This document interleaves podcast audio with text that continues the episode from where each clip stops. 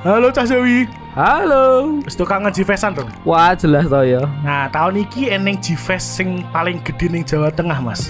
Ketoknya ndak sing jenenge Orange. Yo i orange ini undip. Nah, tahun iki tapi saya daring sih Mas mergo sik pandemi kan. Oh, di online ya. Nah, Ha. cuman orang kalah seru karena akeh banget lomba-lomba nih, Mas. Oh no, ya. Antara ini kan yang lomba showdown, kaligrafi, terus ada yang lomba edukasi SMA, terus ono lomba fan art, lomba cosplay, dan lomba cover lagu. Cover lagu ya. Eneng grup ono solo. Mas. Ah, neng grup solo. Nah, nek Cah Jawi pengen info lebih lanjut tinggal sosmed Orange nih di Mas. Eneng Facebooknya at orange underscore kun. Kun. Nah, Twitternya eneng at orange underscore kun juga. Kun juga. Instagramnya at orange dot undip. Heeh. Hmm.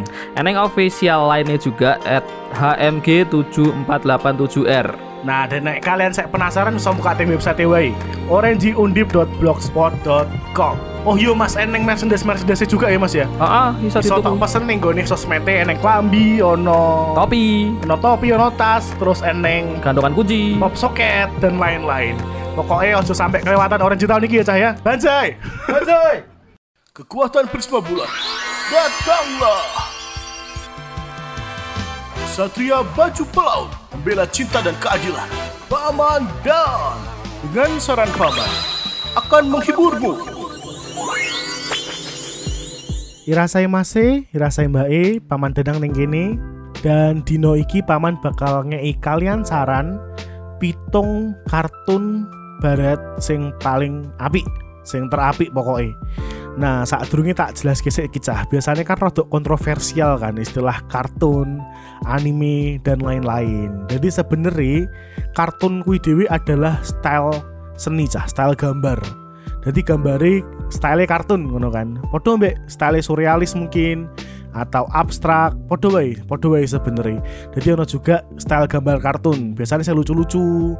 Terus ono hiperbola juga ting kono. Pokoknya sing koyo tak tonton ning nggone kartun-kartun kuwi lah.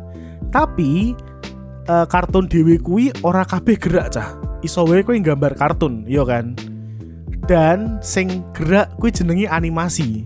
Jadi kartun sing digawe bergerak kuwi jenenge animasi cah. Jadi saya wis ngerti kan bedane kartun be animasi. Nah, terus kan kadang-kadang kan wong rada gelut kan ya. Apa bedane sih anime mbek kartun padha wae. Nah, ning kene iki sing keluar perbedaannya cah. Jadi ketika tekan Jepang, animasi kuwi mau kan diadaptasi nggo basa Jepang jenenge animation kan, animation. Jadi anime disingkat. Jadi anime. Nah, terus sesuai perkembangan zaman, anime kuwi dhewe berkembang dengan gayanya sendiri sing beda adoh mbek gaya kartun barat cah. Jadi pada akhirnya anime berdiri sendiri dan punya style sendiri sedangkan animasi barat dengan style kartunnya. Kaya ngono cah. Jadi dino iki bukan kartun sing tak saranke, tapi animasi. By the way, terima kasih nggo cah Jawi sing wis voting untuk saran paman pindah hari. Jadi ora prei karena memang ge ono kerjasama karo Orange cah. Dan go kalian sing sek penasaran be Orange iso langsung ting website ting orange.undip.blogspot.com. Oh iya cah, episode iki di request karo cah Jawi sing jenenge Reni. DN pengen paman bahas kartun. Jadi nggo kalian cah-cah Jawi liane sing pengen paman menyarankan hal-hal lain bisa langsung nenggoni Jawi underscore podcast. Oke langsung mlebutin nomor siji. Neng nomor siji ono animasi sing jenenge Avatar The Legend of Aang. Normi sekali bukan? Tapi kudu tak akoni sih, iki salah satu animasi paling apik sing pernah ono saka barat dan kalian mesti apal ceritanya tentang opo yo kan? Itu tentang dunia di mana wong-wong sing duwe kekuatan mengendalikan elemen.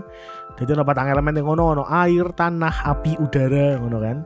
Terus dunia ini kita toko kacau setelah negara api menyerang. Exactly.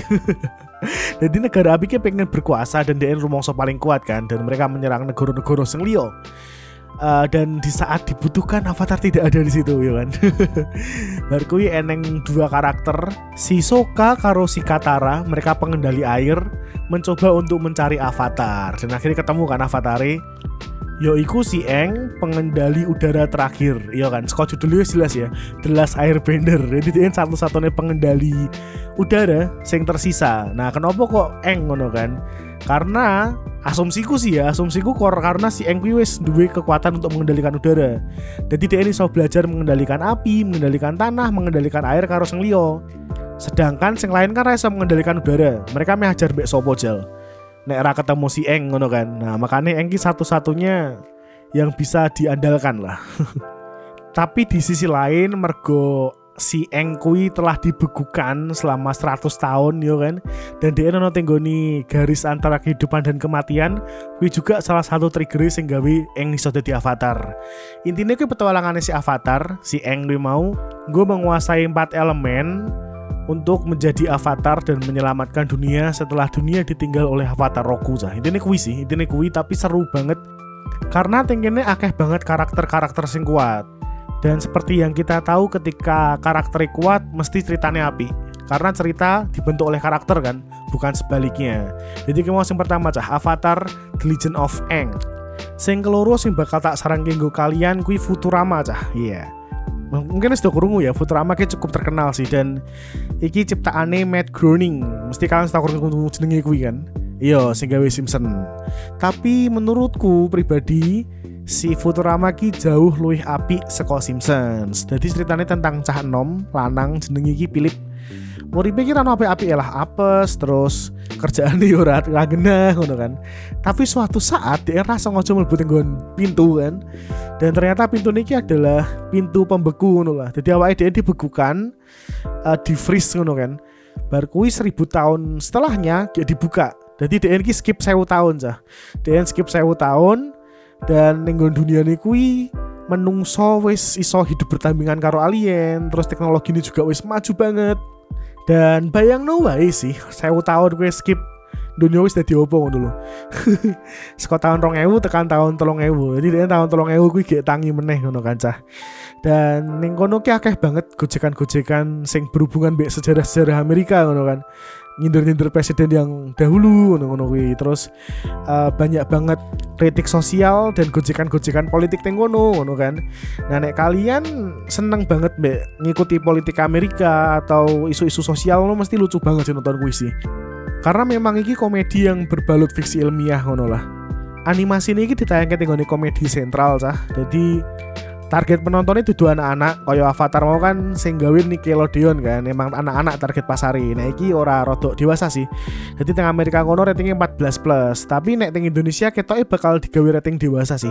Karena emang gojekan kuwi akeh dialog-dialog saru boso-bosone juga ofensif akeh kekerasan dan akeh banget konten seksualnya jadi mungkin nek teng Indonesia ra bakal rating 14 tahun lah. Mesti rating dewasa tapi nek kalian bocil pengen nonton, nonton wae sih. Nek mudeng, nek ra mudeng rasa nonton.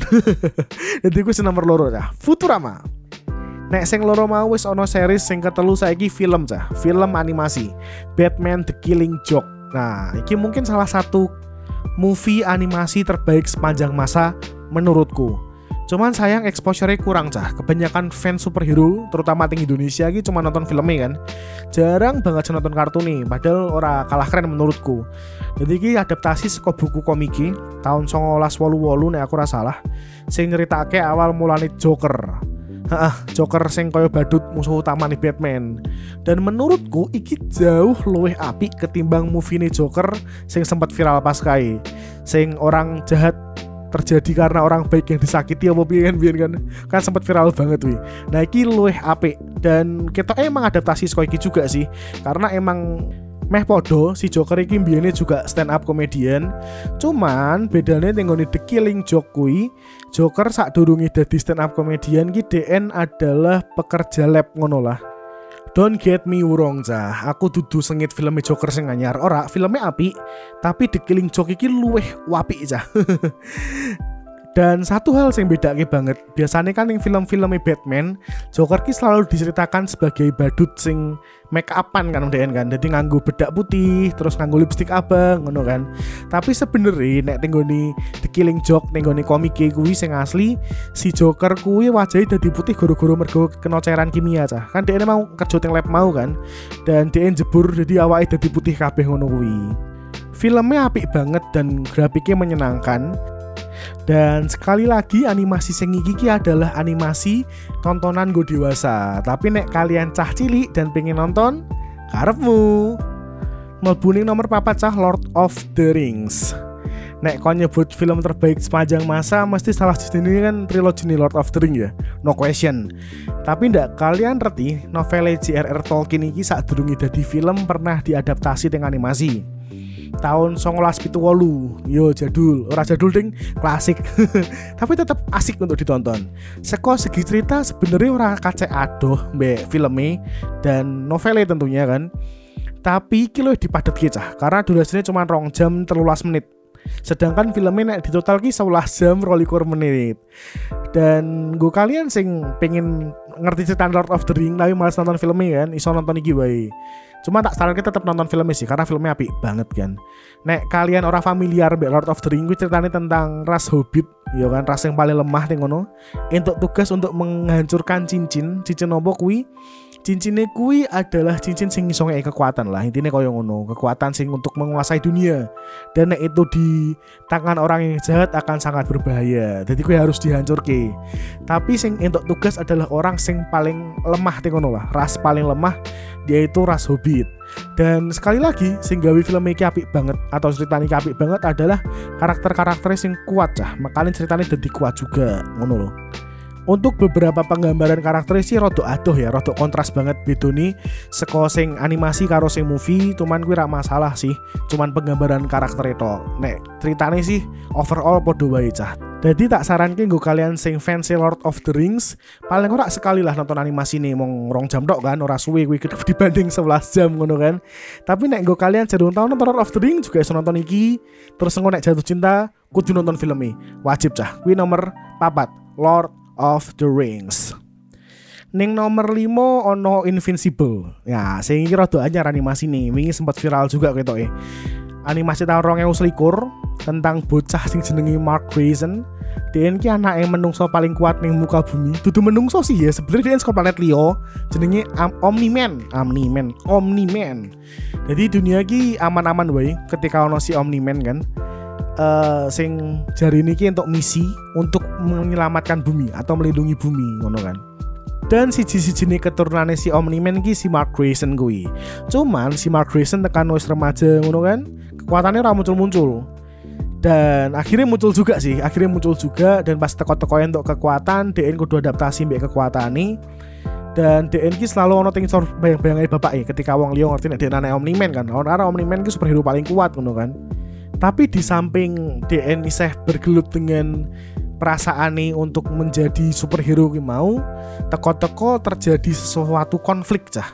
Superhero superhero paling kuat mati. Mati kabeh dan bayang noe ting aliansi nih Omniman sing kuat-kuat mau gitu teko-teko do mati kabeh no dan sopo sing cukup kuat gue mateni kabeh hero iki Pertanyaan gue kan, dan dengan Omniman juga terluka parah cah ngono kan. Nek Omniman gue sampai terluka parah, siapa yang bisa menyelamatkan bumi? Gue kan.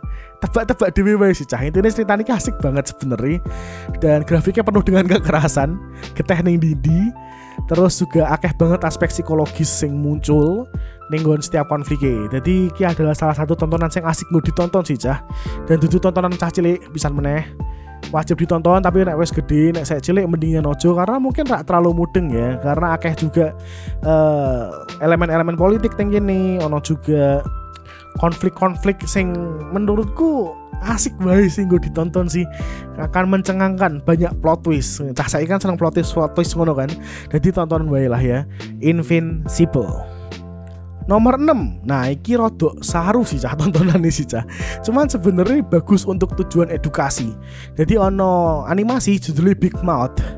Nek sing mau cah cilik main nonton karepmu nek sing iki aduh rodok bingung aku ya. Sebenarnya itu edukasi gue mau sih, cuman saru ya nek ra didampingi wong tua ki bingung ngono loh. Malah pesannya jadi rak tekan menurutku ngono sih karena animasi ini cerita tentang cah remaja sing entes pubertas dan dihantui mbak monster pubertas ya quote unquote ya. Jadi monster ini memanipulasi hormon DN menghantui pikiran DN kan. Dan menurutku aku sebagai orang yang pernah remaja wis tau ting fase kuwi ngono lho. Ngalami pas remaja ngono kan. Awal-awal kalian ngerti tentang seks kuwi opo. Dan seakan-akan ning otak dhewe iki ono monster sing menghantui dhewe ngono kan. Mikir ke hal kuwi terus ngono kan ono rasa-rasa insecure juga pas kalian delok koncone kalian puber luwih cepet saka kalian ngono kan. Lebih bertumbuh ngono kan. Jadi cerita kete ngono tapi jenenge animasi ya. Jadi ono hiperbola nih. Jadi otak dhewe iki dibayangke seperti monster ngono ya lho cah. Intinya kaya ngono kan dan relate banget sih sebagai seorang yang pernah remaja ngono.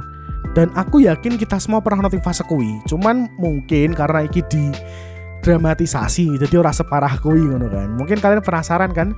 Nonton wae nonton wae The Big Mouth. Emang DN secara gamblang ngomong kayak soal seksual ngono cah.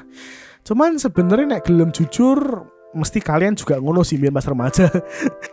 Dan nonton wae mending nonton wae karena menurutku iki adalah edukasi seks sing dibalut dengan komedi dan hiperbola. Jadi apik banget big mouth.